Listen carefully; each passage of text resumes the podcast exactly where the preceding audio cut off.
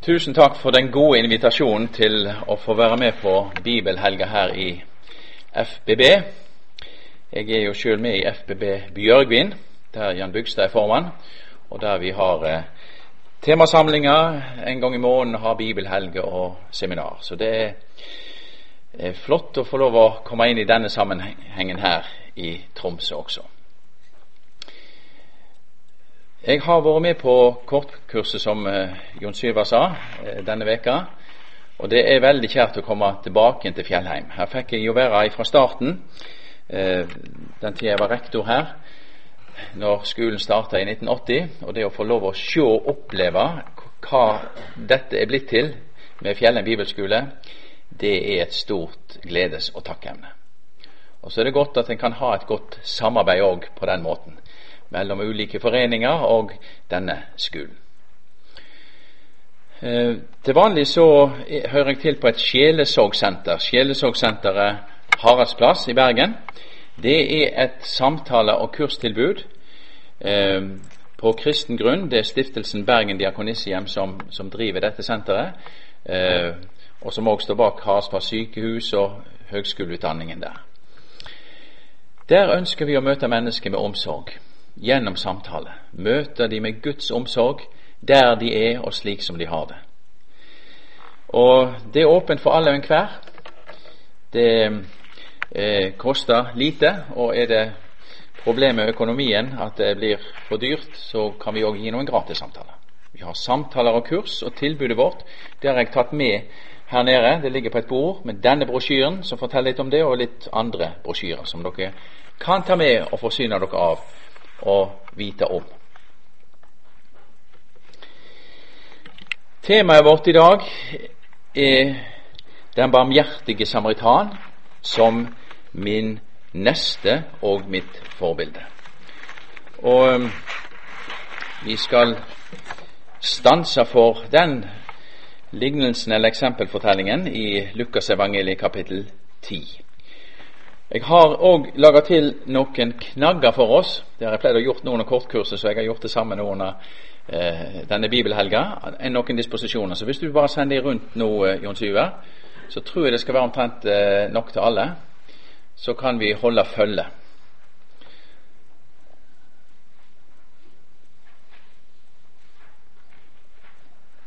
Det er mulig det er akkurat noe, Altså, det er kanskje det er et par stykker til deg på galleriet. Nå får vi se. Eh, hvis ikke så får en par stykker se sammen. Men jeg tror det er omtrent akkurat sånn. Eh, jeg har tatt eh, kopiert opp 35, og jeg, det er ikke langt ifra det tallet vi er totalt.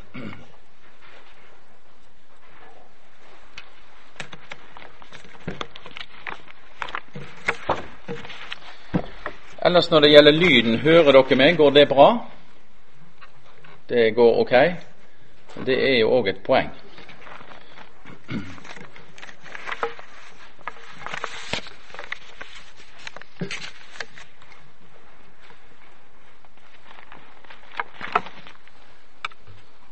Er det en fra galleriet som har lyst til å hente en disposisjon, så går det fint, tenker jeg.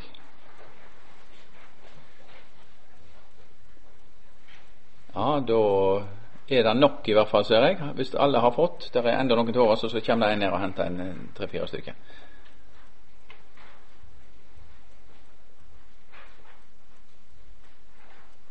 Ja, resten kan kanskje bare ligge der nede hvis det kommer inn en på slutten.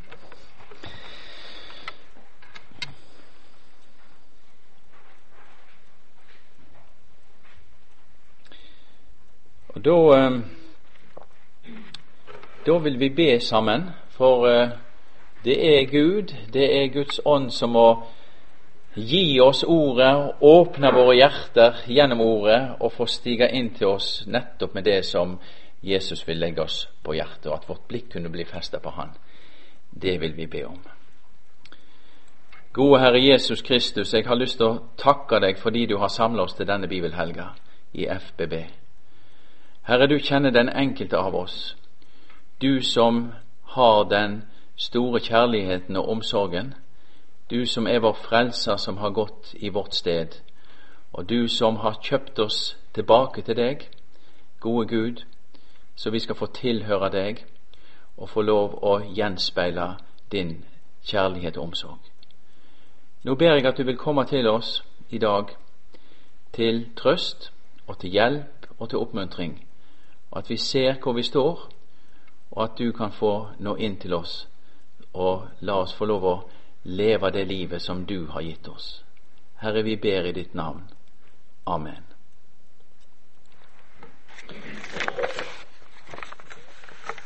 Og Da leser vi sammen fra Lukasevangeliet, kapittel eh, 10, og vers 25-37 leser vi da, i Jesu navn. Og se, en lovkyndig sto fram og fristet ham og sa:" Mester, hva skal jeg gjøre for å arve evig liv? Han sa til ham, Hva står skrevet i loven, hvordan leser du?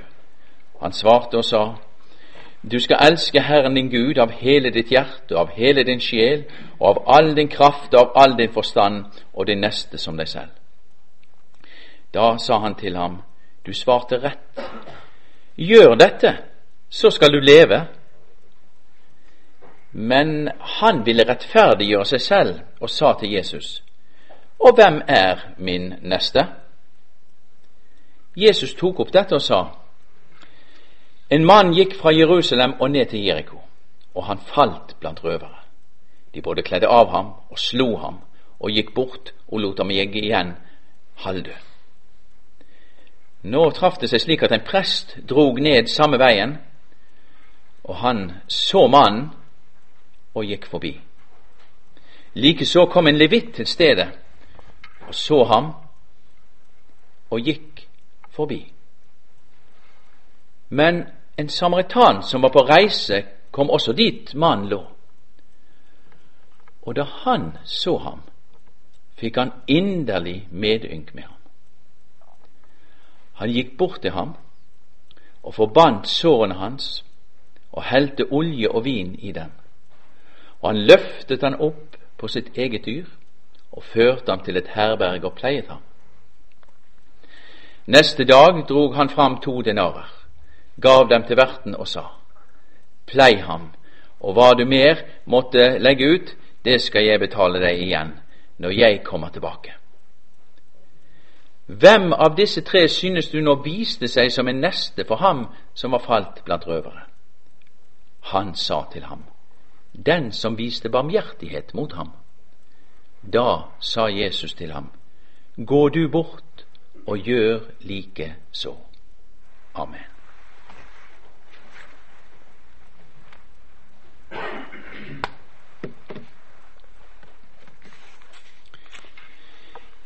Jesus er alene sammen med disiplene sine. Og så sier han til dem, det står like foran teksten vi leste i vers 23, Lukas 10. Salige er de øyne som ser det dere ser. Og Det er uttrykt slik at det betyr til forskjell fra de andre. Eller det kan i noen oversettelser det salige er de øyne, deres øyne fordi de ser. Og hva var det så Jesus' disipler så som andre ikke så? Jo, de så hvem og hadde etter hvert begynt å se mer og mer hvem Jesus egentlig var, og de var etter hvert i stand til å ta imot hans tale. Johannes 1,14 står der Ordet ble kjøt og tok bolig iblant oss, og vi så Hans herlighet, den herlighet som den enbårne sønn har fra sin far, full av nåde og sannhet. De fleste så han, mange så han, og så han likevel ikke. Mange hørte han, men var ikke i stand til å oppfatte hans tale, og tok heller anstøt av hans budskap. Og En gang da det flokka seg riktig mange omkring Jesus, det var etter at han hadde gjort det store brødunderet, metta 5000. Og han var nådd over sjøen, talte til de, Kapernaum. Ja, så trekte folk etter hvert seg tilbake når han talte om seg sjøl, både som livets brød og som om sin kropp og sitt blod som noe som de måtte få del i. Da spurte Jesus vil også dere der bort, spurte han sine tolv. Og så svarer de, Johannes 6, eh, 68 og 69, Hvem skal vi gå til, sier Peter. Du har det evige livs ord, og vi tror og vet at du er Guds hellige. Det hadde de sett, og det hadde de oppdaga.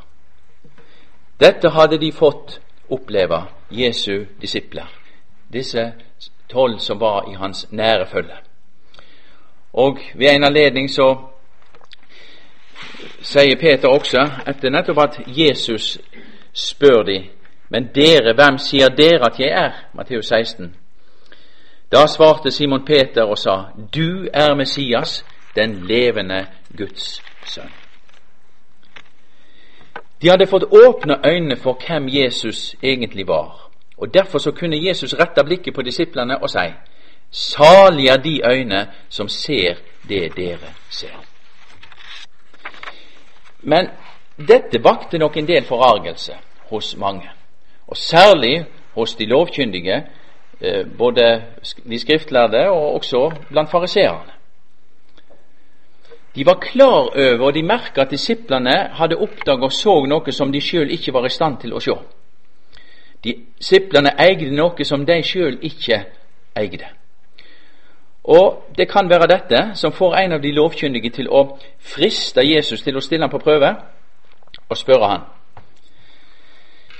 Mester, hva skal jeg gjøre for å arve evig liv? Og Her er det altså en teolog, en lovkyndig, som stiller spørsmål.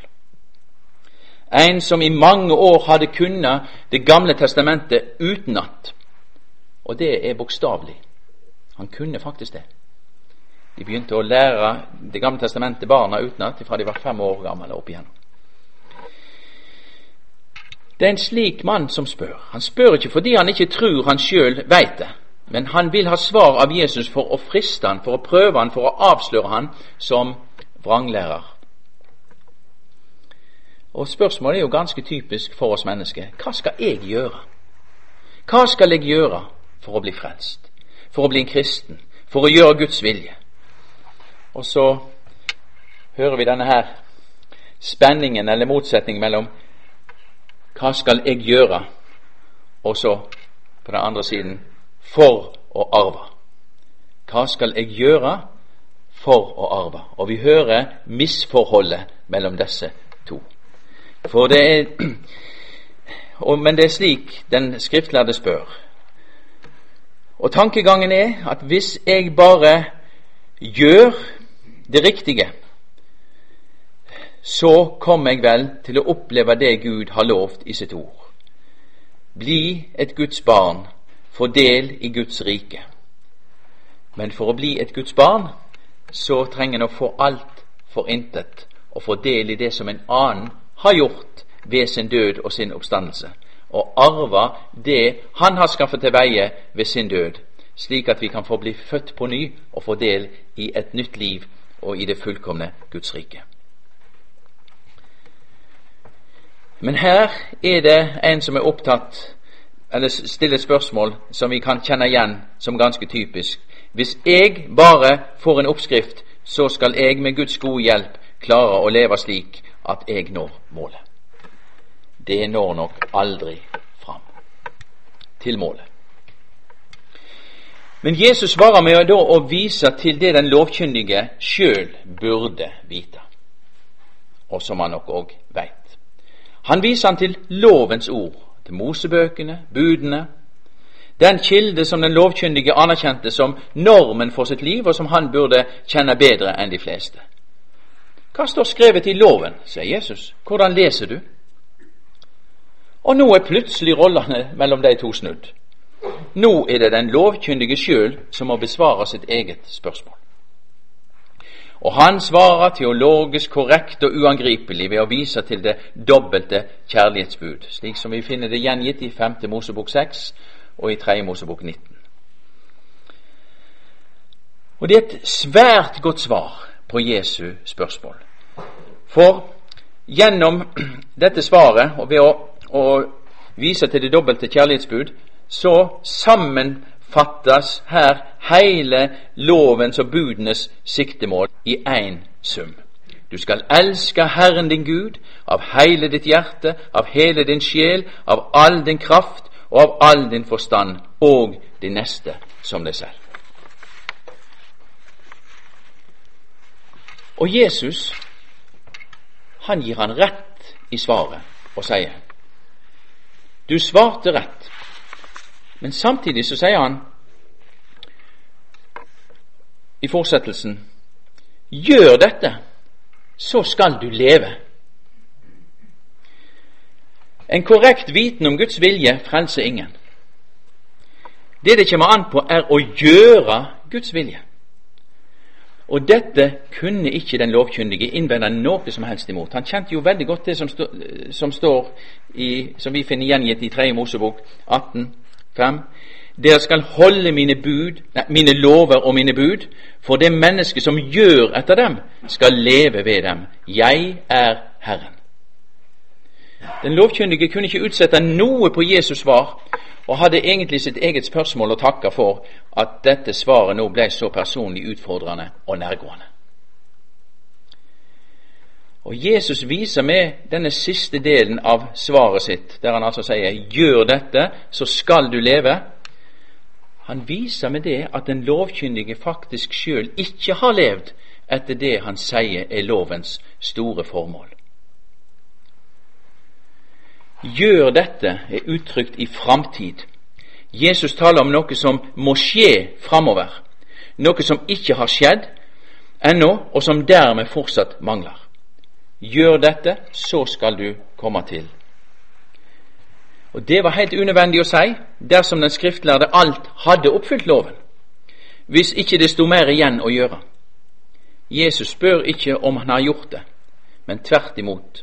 Den skriftlærde har ikke elska Gud av hele sitt hjerte, og heller ikke sin neste som seg sjøl, og hadde heller ingen forutsetninger for det, like så lite som noen av oss andre har det. Og det er tydelig at han kjenner seg ille til mote, at han kjenner seg dømt av Jesus svar. For han, det blir veldig viktig nå for han å rettferdiggjøre seg sjøl, altså finne en utvei for seg sjøl med æren i behold. Og Når da Jesus sier 'gjør dette', så blir det klart for han at han ikke har gjort det budene krever. Det er det som kommer tydelig fram i lyset. Og dette er hans faktiske store nød, og som er vår store nød som mennesker, i møte med den hellige Gud gjennom lovens ord, som nettopp avdekker Hans hellighet. Og Han har en sterk trang til å rettferdiggjøre seg sjøl, både i Jesu øyne og sikkert i egne øyne, og i alle fall overfor i andres øyne som nå måtte høre på denne samtalen. Og så Derfor så spør han hvem er så min neste? Og det var ikke et tåpelig spørsmål.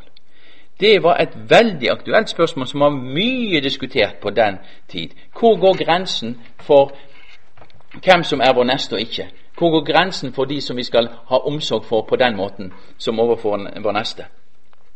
Det var i hvert fall helt tydelig klart definert at, at hedningefolkene, de som var utenom Israel, utenom jødefolket, og samaritanerne ikke minst, de sto utenfor den kretsen som hørte til min neste.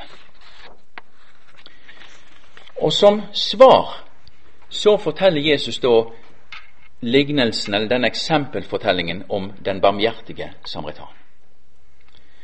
Og Denne fortellingen gir ikke svar bare til den lovkyndige, men den er Guds svar til alle mennesker som veit med seg sjøl at deres liv ikke svarer til det de veit Gud krever av dem i sitt ord.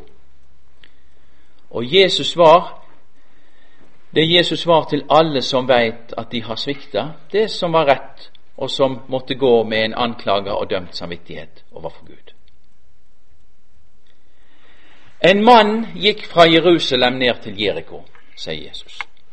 Og Jerusalem ligger 800 meter over havet, og Jeriko ligger 400 meter under havet. Det er altså en, en avstand, eller en høydeforskjell, på 1200 meter. Mens avstanden mellom Jerusalem og Jeriko ikke mer enn 28 km, så det er enormt bratt stigning. Bratte nedoverbakker ørken mot øst, siste kilometerne går gjennom bratte pass, og det var velegna som skjul for røvere. Og lett å angripe her uten å bli sett, og det hendte ofte. Veien fra Jerusalem til, til Jeriko det var en drøy dagsmarsj. Ikke stor trafikk, ingen viktig handelsvei. Men det var særlig to grupper som vandra fram og tilbake her. Og det var, Den ene gruppa var prester og levitter, som var bosatt i Jeriko, men som drog til Jerusalem for å utføre sin faste uketjeneste i tempelet. Det gikk på sånne skift.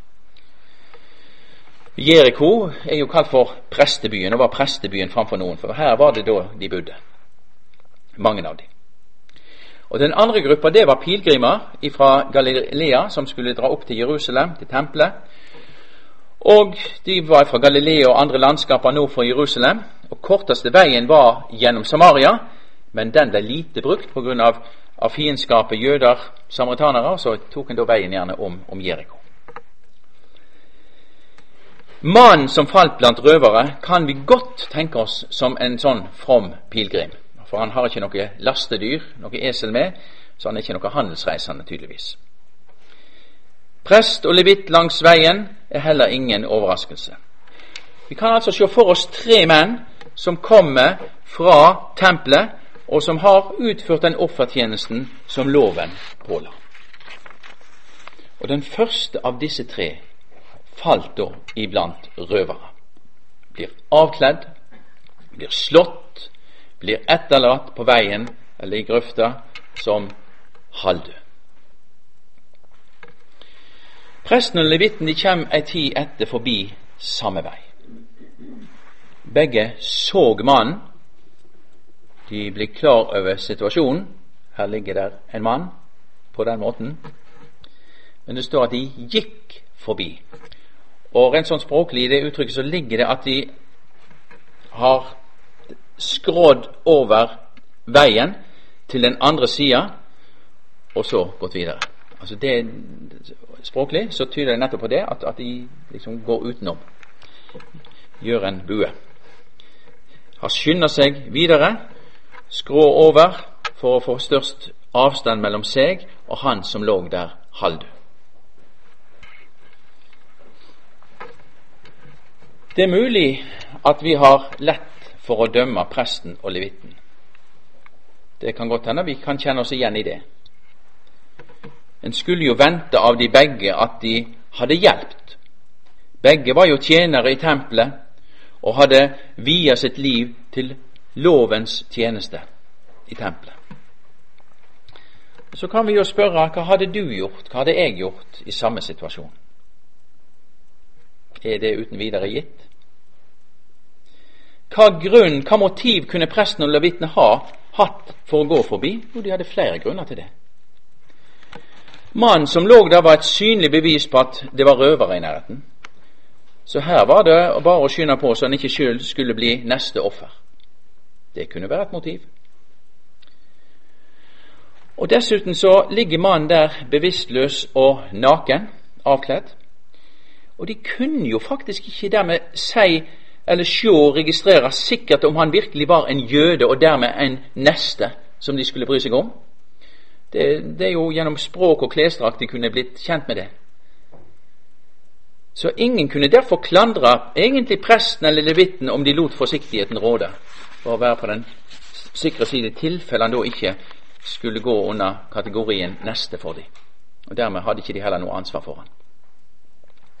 Og så kunne de være bekymra for sin levittiske renhet, altså dette her at, eh, at de måtte, eh, hvis nå mannen skulle vise seg å være helt død ved nærmere ettersyn, så ville kontakten, berøringen av et lik med et lik, det ville gjøre de religiøst eller kultisk ureine. De måtte gjennomgå et komplisert renselsesrituale. Vi hadde beskrevet i 4. Mosebok 19.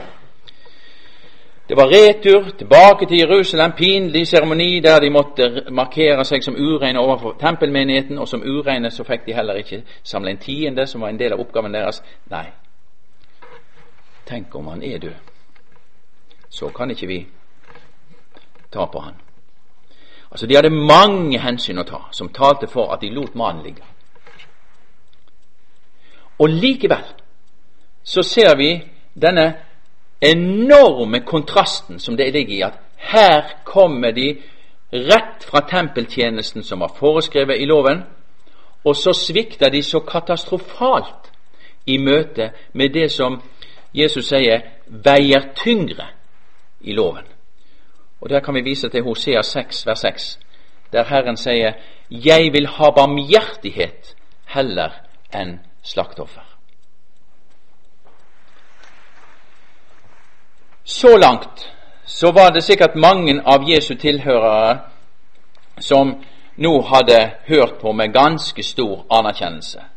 Her fikk presten og levitten sitt pass påskrevet. Og blant de som hadde hørt med tilfredsstillelse på dette så langt, kan vi regne med at fariseerne var. Det var veldig ok at presten og levitten fikk sitt pass påskrevet. Fariseerne var nidkjære for loven, og de ville være eksempel for andre med sitt liv og skulle få folk nettopp til å følge Guds gode bud. Og Nettopp fra gudstjenesten i tempelet så var en vant til å dele, ha denne inndelingen. Altså Du hadde prestene, levittene, disse her tempeltjenerne, og så Israel, eller lekfolk i legemennene. Og blant dem så var fariseerne den betydningsfulle gruppa. Og Nå kan det godt hende at de bare venta på at Jesus skulle fortsette fortellingen med at den barmhjertige fariseer skulle komme inn på banen og vise den praktiske omsorg for sin neste, som en rett jøde skulle vise mot sine landsmenn. Men i stedet så dukker en samaritan opp, en fiende. Antageligvis en handelsmann. Han er på reise, står det. Han hadde et, et, et dyr med, esel sannsynligvis. Han er i hvert fall da ingen pilegrim. Han så den stakkaren som lå der på veien. Og ikke bare det, men det står da han så han, fikk han inderlig medynk med han. Og nettopp dette uttrykket 'inderlig medynk', det er i Bibelen brukt nettopp om Jesus, om Gud og om Jesus. Vi har det f.eks. Det, det dreier seg om Guds hjertelag. Det er det det dreier seg om. Det er, den, det er det hjertet som bare Gud har, og som Jesus møter oss med. Guds hjertelag for fortapte, Lukas 15, 20, om faren som speider etter sønnen. Han fikk inderlig medynk med ham han så ham langt borte. Det er jo nettopp Gud som står og ser etter. Eller Jesu kjærlighet til de forkomne, Matteus 14, 14, det står om at han, da han så folket, fikk han inderlig medynk med dem. Slik er det nå beskrevet om den barmhjertige samaritan. Han går bort, han forbinder sårene, han heller olje og vin i de, det var med å desinfiserte sårene, og så hjelper de til å friskne til igjen. Og Så løfter han han opp på sitt eget dyr, og så fører han han til et herberg og pleier han. Og Sørger for han videre, gir to denarer til, til verten, og skulle betale mer seinere hvis det trengtes. To denarer var vel nok til gjerne to-tre ukers opphold med mat og pleie. Samaritanen hadde omsorg for han som var falt blant røvere, og ville at han skulle bli frisk igjen. Når Jesus da hadde fortalt denne lignelsen, så stiller han et spørsmål igjen til den skriftlærde. Og da er vi inne i lignelsens budskap. Hvem av disse tre synes du nå viste seg som en neste for ham som var falt blant røvere? Og svaret det kommer, og det kan ikke bli noe annet svar. Den som viste barmhjertighet mot ham. Det er det eneste mulige svar på dette spørsmålet. Hvem av disse tre synes du nå viste seg som en neste for ham som var falt blant røvere? Og Her ser vi hvordan Jesus setter saken helt på hodet i forhold til sånn som vi gjerne tenker.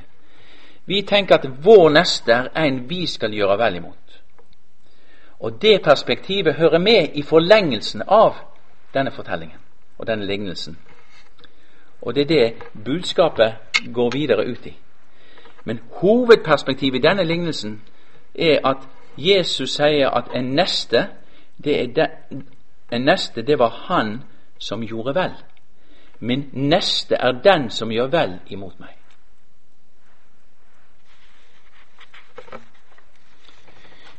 Den barmhjertige samaritan blir på denne måten i første rekke et bilde på Jesus sjøl. Slik den barmhjertige samaritan fikk inderlig medynk som førte til praktisk omsorg, slik har Jesus tatt seg av vår nød og fridd oss ut av den. Han har frelst oss. Ved å komme i vårt sted, oppsøke oss, ved å leve vårt liv det som ikke vi kunne leve fullkomment overfor Gud, ved å sone for våre synder, ved å ta seg av all vår nød på den måten, og ved å stå opp til vår frikjenning. Og nettopp dette uttrykket som er brukt om denne samaritanen, er med å peke på at det nettopp dreier seg om Han som er Gud, og som er blitt kommet som menneske, og som kommer med nåden og med sannheten. Hadde, han fikk inderlig medynk med ham, som akkurat det uttrykk som ellers er brukt om Gud, om Jesus. Eller som vi synger i en bedehussang Han søkte meg i nåde. Det er det det dreier seg om. Slik Jesus sier det etter et møte med Sakkeus i Lukas 19. For menneskesønnen er kommet for å oppsøke og frelse det som var fortapt. Oppsøke, det uttrykket betyr egentlig å, å, å søke etter eller leite etter det som er så verdifullt at jeg for alt i verden ikke kan miste det. Gud vil ikke miste en eneste en. Oppsøke det som var fortapt. Det som Gud har mista. Det er det som er perspektivet først og fremst der. Det er, det er et tap for den som går fortapt. Det å tape det evige liv. Men der i, i fortellingen, eh, eller i møtet med Sakkeus, er det denne perspektivet om at det er Gud som søker menneskesønnen etter Han, etter oss som han ikke kan miste, som er så verdifull for Han at det er et svært tap for Gud om han skulle miste oss. Frelse det som var fortapt. Det er derfor Jesus sier til Sakkeus i dag må jeg bli i ditt hus. Det er nødvendig for meg at jeg kommer inn til deg.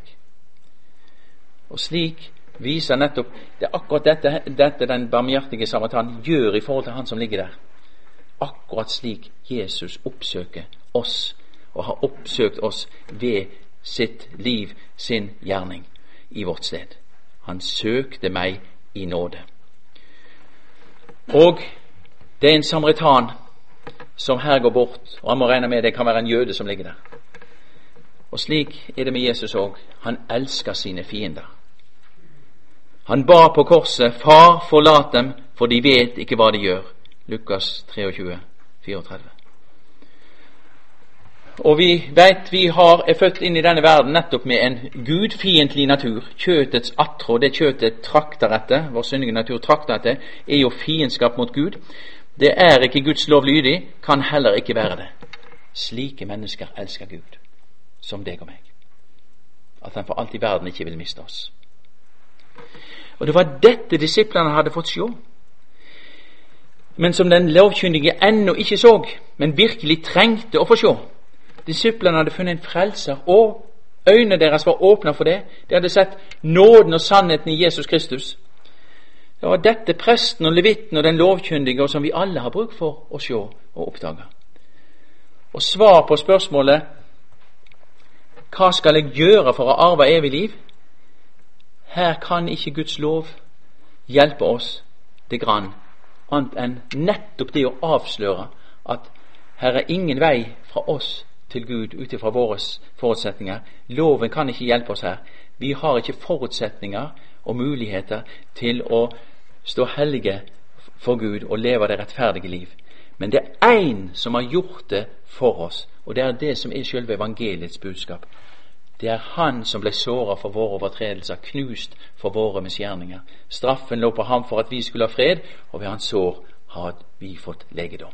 Jesajas 53.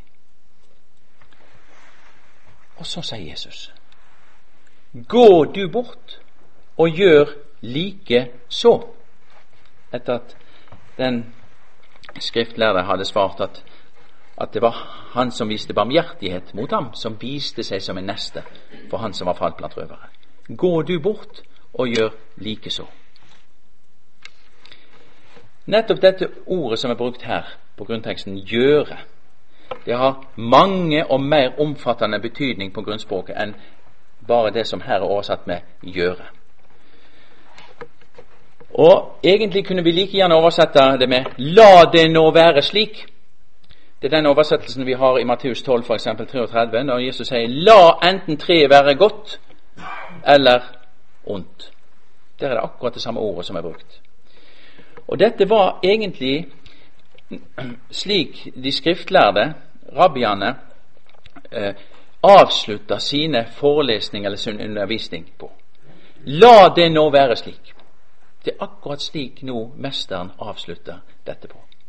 Og Det betyr ta konsekvensene av dette, at det er slik.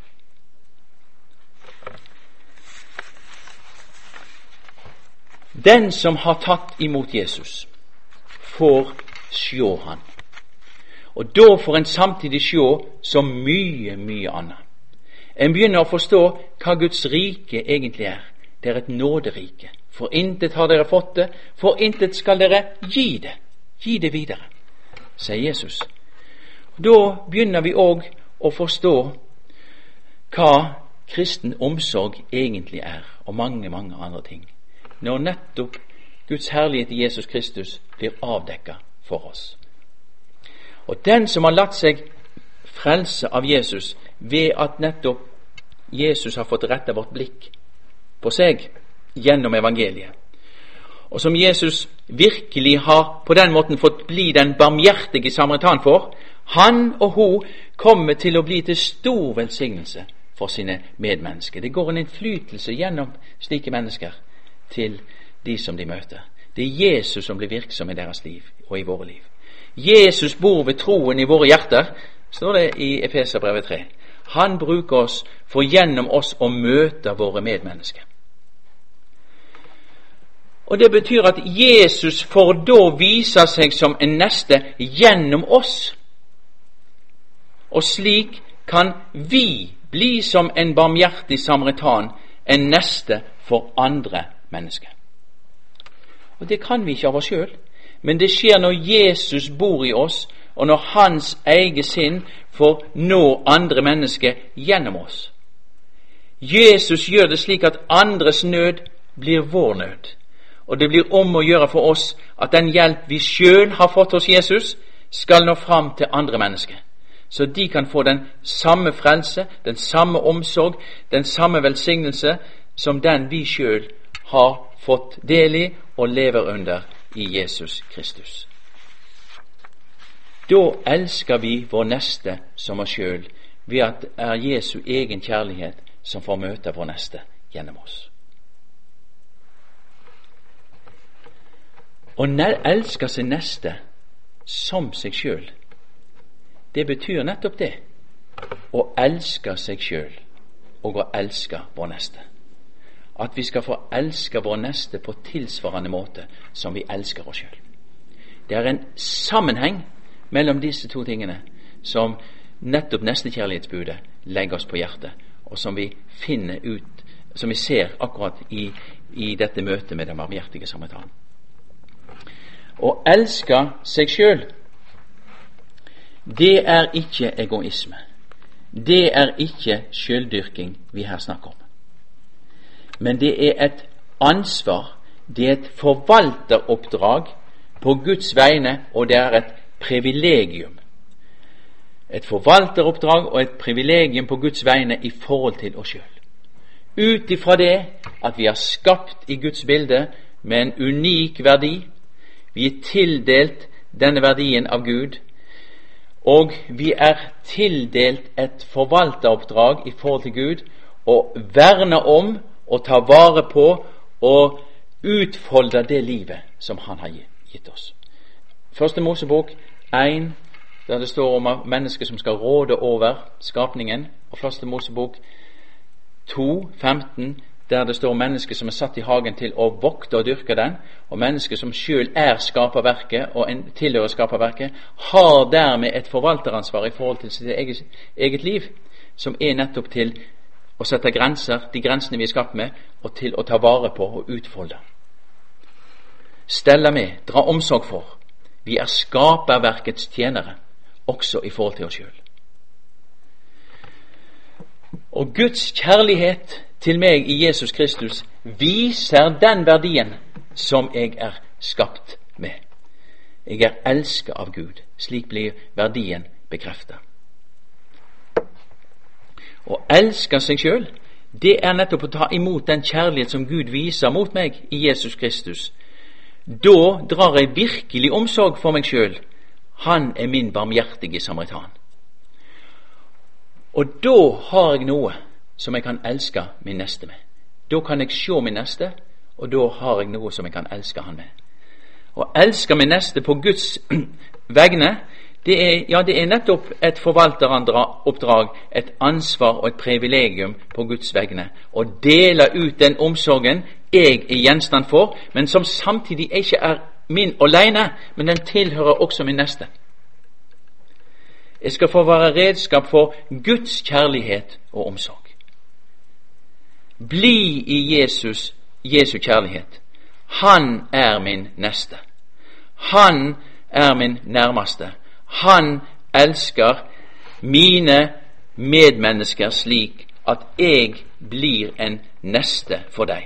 De møter og kan få møte Guds miskunn og barmhjertighet gjennom meg, gjennom deg. Praktisk og nær kjærlighet som tar seg av den som er i nød. Og Guds gode formaninger og Guds gode bud, det er nettopp veivisere for denne kjærligheten. Blir derfor ikke noen skyldig uten dette å elske hverandre, står det i, i Romerne 13. Det å gi videre. Og Vi har jo dette i 1. Johannes brev 4. I dette er kjærligheten ikke at vi har elsket Gud, men at Han har elsket oss og sendt sin Sønn til soning for våre synder. Har Gud elsket oss slik, da er vi også skyldig å elske hverandre. Det er noe som vi har, som samtidig tilhører de andre. Og Derfor så er det nettopp både å ta vare på meg sjøl og å vise omsorg mot andre det dreier seg om. Ikke overta ansvaret for mitt medmenneske, som mitt medmenneske har for seg sjøl, men møte han og henne der han og hun er, deler goder og bærer byrder, som er på den måten å vise barmhjertighet og omsorg. Og samtidig sette grenser slik at jeg sjøl ikke blir utsletta. Derfor henger det så nøye sammen med egenivaretaking og med det å gi omsorgen videre til min neste. Den barmhjertige samaritan satte jo grenser for seg sjøl. Det var ikke snakk om en grenseløs omsorg. Den omsorgen finnes ikke blant oss mennesker. Han løfter mannen opp på eselet. Og så tok han eselet, og så løfta han opp på skuldrene, og så Nei, han gjorde ikke det. Han lot eselet bære den skadde mannen. Det var for tungt for han. Og han hadde, var tydeligvis på reise, står det. Han hadde et oppdrag, han hadde et mål han skulle nå. Han gikk videre neste dag og levde sitt eget liv, eller det livet som han skulle. Utførte andre oppdrag. Satt en grense i forhold til den mannen han hadde hjulpet, men han sørga for at mannen fikk hjelp. Det han kunne gi innenfor disse grensene. Han hadde noen dinarer han kunne gi. Fikk han til et vertshus. Så til at han ble ivaretatt. Men da var det andre som overtok. Samaritanen drog videre, tok vare på seg sjøl, samtidig som han sørga for nesten. Vi trenger òg å lære å sette de sunne og gode grensene om vi virkelig skal få være en barmhjertig samaritan over tid. En som får møte andre med Jesu gode barmhjertighet og omsorg. Amen.